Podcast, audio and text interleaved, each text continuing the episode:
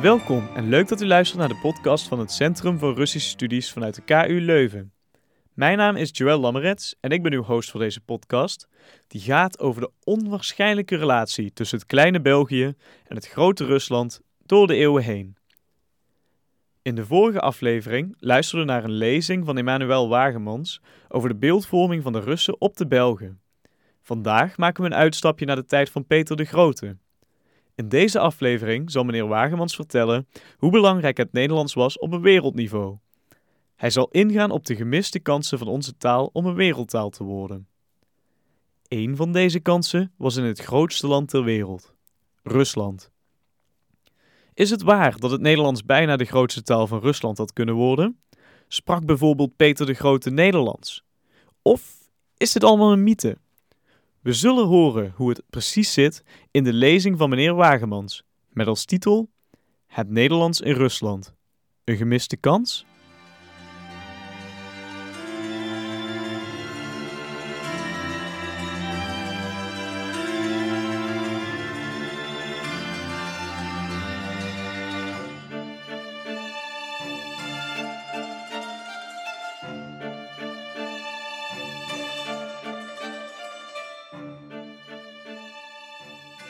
Goedemorgen of goedemiddag, dames en heren. Vandaag zou ik het willen hebben over de taal van Peter de Grote. Let op, laat hierover geen misverstand bestaan. Ik bedoel niet het Russisch, maar het Nederlands. Het Nederlands als wereldtaal. En of dit misschien een gemiste kans is. Ik wil het niet hebben over het Nederlands als de taal van de administratie in de Nederlandse kolonies, Indonesië, want daar is het eigenlijk gelukt. Maar ik wil het hebben over de momenten in de geschiedenis waar het Nederlands een kans heeft gemist om een grote, eventueel wereldtaal te worden. Het Nederlands, dat weet u wel, staat nu geboekstaafd als een kleine taal. Een taal die slechts door zo'n 20 miljoen mensen gesproken wordt. Ik vind dat niet zo weinig. Er zijn wel wat Scandinavische en Baltische talen die door veel minder mensen gesproken worden. En dan is het nog de vraag of het Zuid-Afrikaans, het Afrikaans, erbij gerekend moet worden. Het is zo dat een geweldig groot aanzien onze taal in de wereld niet geniet. Maar aan de andere kant moet ik toch zeggen dat polyglotten, dus echte professionele polyglotten, vinden dat de tien talen die je moet kennen om een polyglot genoemd te worden, dat daar Nederlands bij hoort. Hm? Misschien had het anders gekund. Ik heb enkele momenten in de moderne geschiedenis samengebracht waar het Nederlands een kans heeft gemist om tot een wereldtaal uit te groeien. De meest schrijnende geschiedenis, vind ik, is die van Nieuw-Amsterdam. De hoofdstad van de nieuwe wereld. In het begin van de 17e eeuw, meer bepaald vanaf 1609, groeide de nederzetting aan de rivier de Hudson uit tot een van de grote centra in de nieuwe wereld, namelijk als doorslagplaats voor de handel met de Nederlandse en Britse kolonies in de zogenaamde East Indies de Verenigde Oost-Indische Compagnie.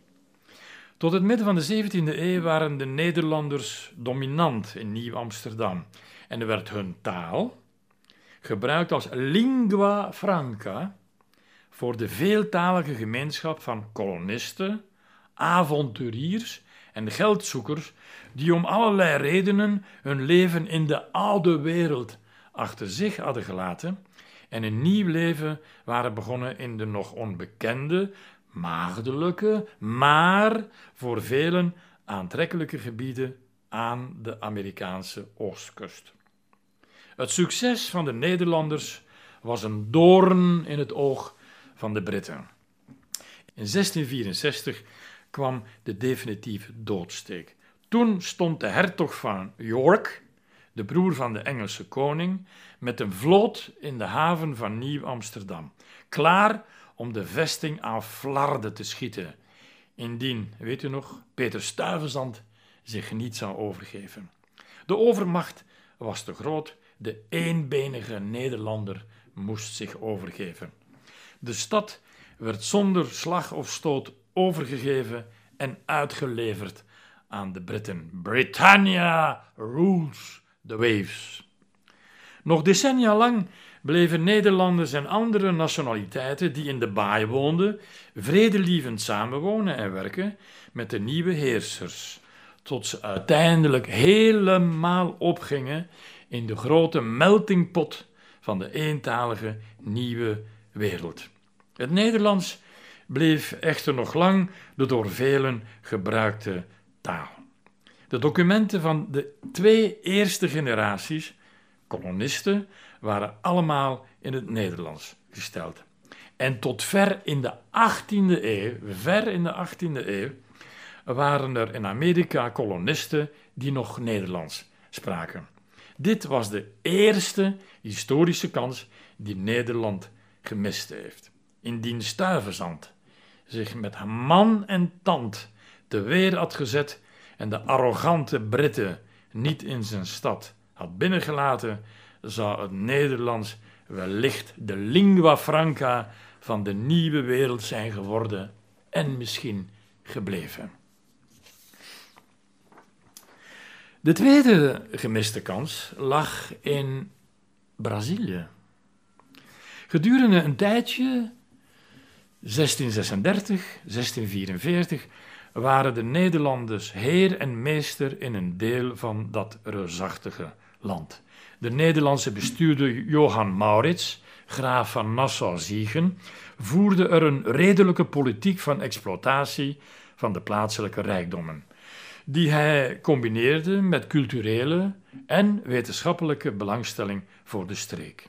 Maar ook hier kon het Nederland, het Nederlands en het kleine Nederland niet stand houden. In 1644 werden de Nederlanders na talloze gevechten over en weer met de Portugezen voorgoed verdreven uit dit grootste land van Zuid-Amerika. Ook in Japan heeft het Nederlands een grote rol gespeeld. Tussen 1641 en 1854, dat is toch twee volle eeuwen, was Japan totaal geïsoleerd van de buitenwereld. In de Japanse geschiedenis heet dat de Sakoku-periode. De enige vreemdelingen die het land in mochten waren Nederlanders. Hun toegang bleef beperkt tot de baai van Nagasaki, het eiland Decima. En alle kennis over de wereld, over de buitenwereld, alle wetenschap, meer bepaald geneeskunde, kwam via de Nederlanders Japan binnen. En de taal waarin dit gebeurde was het Nederlands. Het laatste bewijs van de dominantie van het Nederlands in Japan was het vredesverdrag van Shimoda, dat in 1855 tussen Japan en Rusland werd afgesloten en waarin afspraken werden gemaakt over het eiland Sachalin. Het verdrag was in het Nederlands gesteld. Maar door de modernisering van Japan heeft de taal van Vondel niet weten door te dringen tot regeringsniveau of blijvend werkinstrument. Ten slotte, maar dat hebt u al geraden natuurlijk, Rusland. In Nederland bestaat de hardnekkige mythe dat Peter de Grote met de gedachte heeft gespeeld het Nederlands in te voeren als rijkstaal van het onmetelijke Rusland. Alhoewel hier geen enkel bewijs voor te vinden is, nog in getuigenissen van tijdgenoten, nog in officiële documenten, is het een in Nederland graag gehoorde en herhaalde bewering. Het moet de bijzondere band onderstrepen die Nederland met Rusland onderhoudt. Er bestaan verschillende getuigenissen dat Tsaar Peter goed Nederlands kende. Tijdens zijn bezoek aan de Nederlanden in 1697, 98, het zogenaamde Grote Gezantschap, en 1716, 1717 had hij geen tolk nodig. Nederlands heeft Peter geleerd van de Nederlanders Frans Timmerman en Karsten Brandt, die op het einde van de 17e eeuw in Moscovië werkten. De eerste, Frans Timmerman, gaf hem lessen in reken- en meetkunde. En Karsten Brandt leerde hem boten bouwen. Ook met Andries Vinius, de zoon van een Hollandse koopman, die al onder de regering van Peters vader naar Rusland was gekomen en het vergeschopt had, had de tsaar uitvoerige contacten.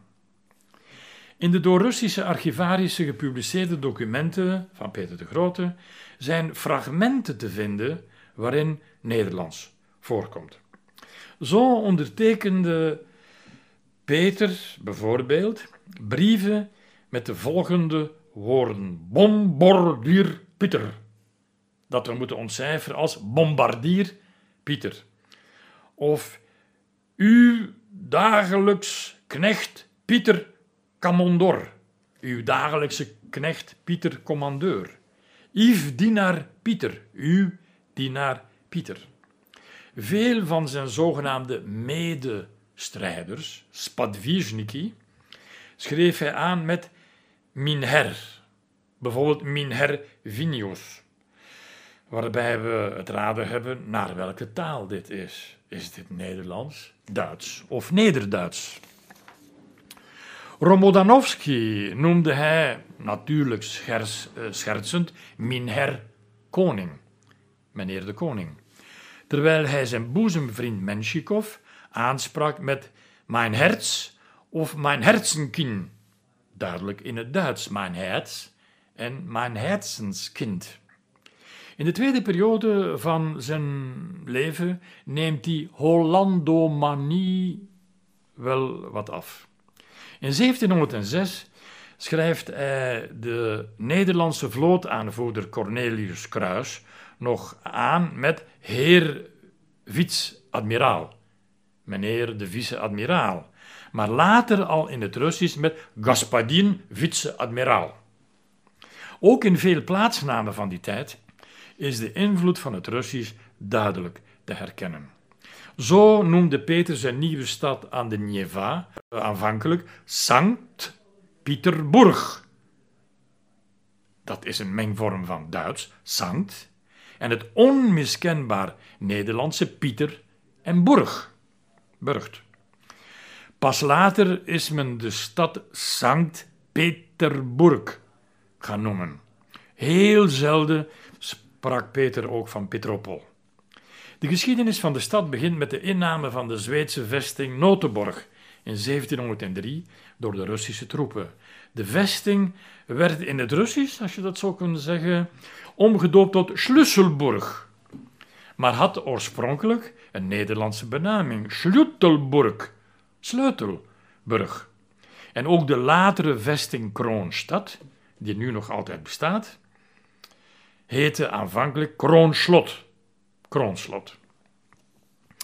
Nu, het Nederlands was niet alleen de taal waarin Peter communiceerde met Nederlanders, die trouwens een niet onaanzienlijke rol speelde in de eerste jaren van zijn bewind en bij de uitbouw van de stad aan de Neva en van de Russische vloot, maar het Nederlands was ook de lingua franca van de buitenlanders in Rusland. Zo schreef Adam Weide, die Duitser was, en major in het Pre-Obrajensky-regiment, in 1694 aan Peter een Russisch briefje met enkele woorden in het Nederlands. Ik bid mijn heer schipper, die heer kaptein, die heer luitenant, die heer sergeant en ook alle gaar soldaten te groeten, vriendelijk, als dat geen Nederlands is. Ook de beroemde schot Patrick Gordon moet Nederlands gekend hebben. Hij begint een brief aan de tsaar met Mijn heer, grote commandeur, salut. En eindigt met Oyer Majesteits onderdanigste dienaar P. Gordon. Nu, niet alle Engelsen waren te spreken over de dominantie van het Nederlands in de Russische vloot en beklaagden zich hier wel eens over bij Peter, die daar niet op inging. Doordat Peter het zeemansvak ging leren in Nederland, de zogenaamde Marskoje Djelle, werd het, Neder het uh, Russisch overspoeld door Nederlandse woorden, die tot de dag van vandaag voorkomen in het Russisch. Ik som er een paar op.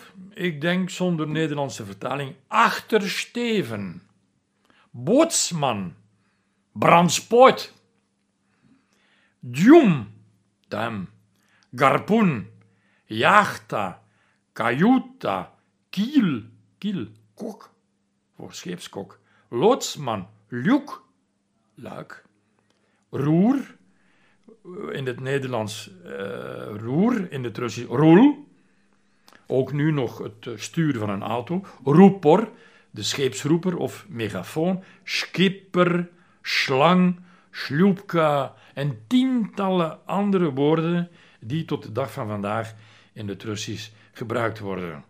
Merkwaardig is dat het Russisch eigen Russische, Slavische woorden heeft voor de windrichtingen. Sever, Vostok, Juk, Zapad, zuiver Slavische woorden. Maar de zeeman spreekt van noord, oost, zoet, west. Tot de dag van vandaag. Het in taalkundig opzicht interessantste leenwoord is wel triuma. Triuma, waarbij de Russen het zelfstandig nawoord ruim en het lidwoord het, het, ruim, truim aan elkaar geplakt hebben. En niet meer door hadden dat t of het eigenlijk een lidwoord was. Dat, zoals u weet, in het Russisch niet bestaat. Nu, de vloedgolf van vreemde, vooral Nederlandse woorden in het begin van de 18e eeuw maakte van het nieuwe Russisch van Peters tijd een exotisch amalgaam. Maar de kennis van het Russisch, van, pardon, de kennis van het Nederlands, voor al wie aan de modernisering van Rusland wilde meewerken, was blijkbaar zo groot dat al in 1717 het eerste woordenboek uitkwam. Kniga lexikon или собрание речей по алфавиту с российского Nagalansko jezik, of de lexicon, of verzameling van woorden volgens het alfabet uit het Russisch naar de Hollandse taal, Galanskoy jezik. In hetzelfde jaar, 1717, kwam ook de Nederduitse spraakkomst van Willem Sewel uit in Russische vertaling Iskustvo Nederlandskeva jazika. Nu denkt u nu niet dat iedereen te spreken was over het cataclysme dat over Rusland kwam. De Russische prinses Jekaterina Dashkova zal er zich later minachtend over uitlaten. Ik citeer even in het Frans. Pierre Ier avait le moyen d'engager non seulement des charpentiers de marine, mais aussi des amiraux de quelques pays qui lui plut. Et dans mon opinion, il semblait oublier ses devoirs de souverain quand il dépensait son temps à Zandam, travaillant de ses propres mains et apprenant les mots et idiotismes hollandais, par l'introduction desquels il corrompit ensuite la langue russe, ainsi que cela ressort de idées et de tout notre vocabulaire maritime. Verdutst Peter I had alle middelen die hem ter beschikking stonden, niet alleen om scheepsbouwers aan te werven, maar ook uh, admiraals uit welk land uh, hij ook gewild had. En ik vind dat hij zijn plichten van vorst verwaarloosde toen hij zijn tijd verspilde in Zaandam door met zijn eigen handen te werken en daar uh, Hollandse woorden en idiot, idiotisme, let op, dat is geen idiotisme, maar idiomatische uitdrukkingen. Dus en daar Hollandse woorden en uitdrukkingen te leren door het introduceren waarvan hij vervolgens de Russische taal om zeep geholpen heeft, zoals dat blijkt uit al zijn geschriften en uit heel onze uh, maritieme woordenschat. Kijk eens, eh, dames en heren, dit was een kritische, aristocratische stem uit de tijd van Catharina de Grote tweede helft 18e eeuw. Maar toen had Rusland geen behoefte meer aan de Hollandse leermeester en was Rusland overgestapt op Gallomanie. Trouwens, ook al tijdens het bewind van Peter de Grote trad er een duidelijke verkoeling op in de relaties met de Nederlandse Republiek. Misschien hebben de Nederlanders door weinig tactvol gedrag en onhandige diplomatie de relaties uh, vergald. Hans van Koningsbrugge, Nederlands historicus van Groningen, heeft daar een uitvoerige studie aan gewijd. Tegen het einde van zijn leven was in elk geval de grote liefde van Peter voor de vroegere leermeester Holland voorbij. Het kwaad was inmiddels geschied. Na de dood van Peter zal het Nederlands helemaal verdrongen worden door het Duits, dat op zijn beurt onder het bewind van zijn dochter Elisabeth 1741 1761 de baan zal moeten ruimen voor het Frans. De Franse historicus Gustave Velter schrijft terecht: de eerste generatie van nieuwe Russen was Hollands geweest, de tweede Duits, de derde was Frans. Daarmee had het Nederlands weer eens een kans gemist om indien niet de taal van het grootste land ter wereld, dan toch de tweede taal van een groot land te worden.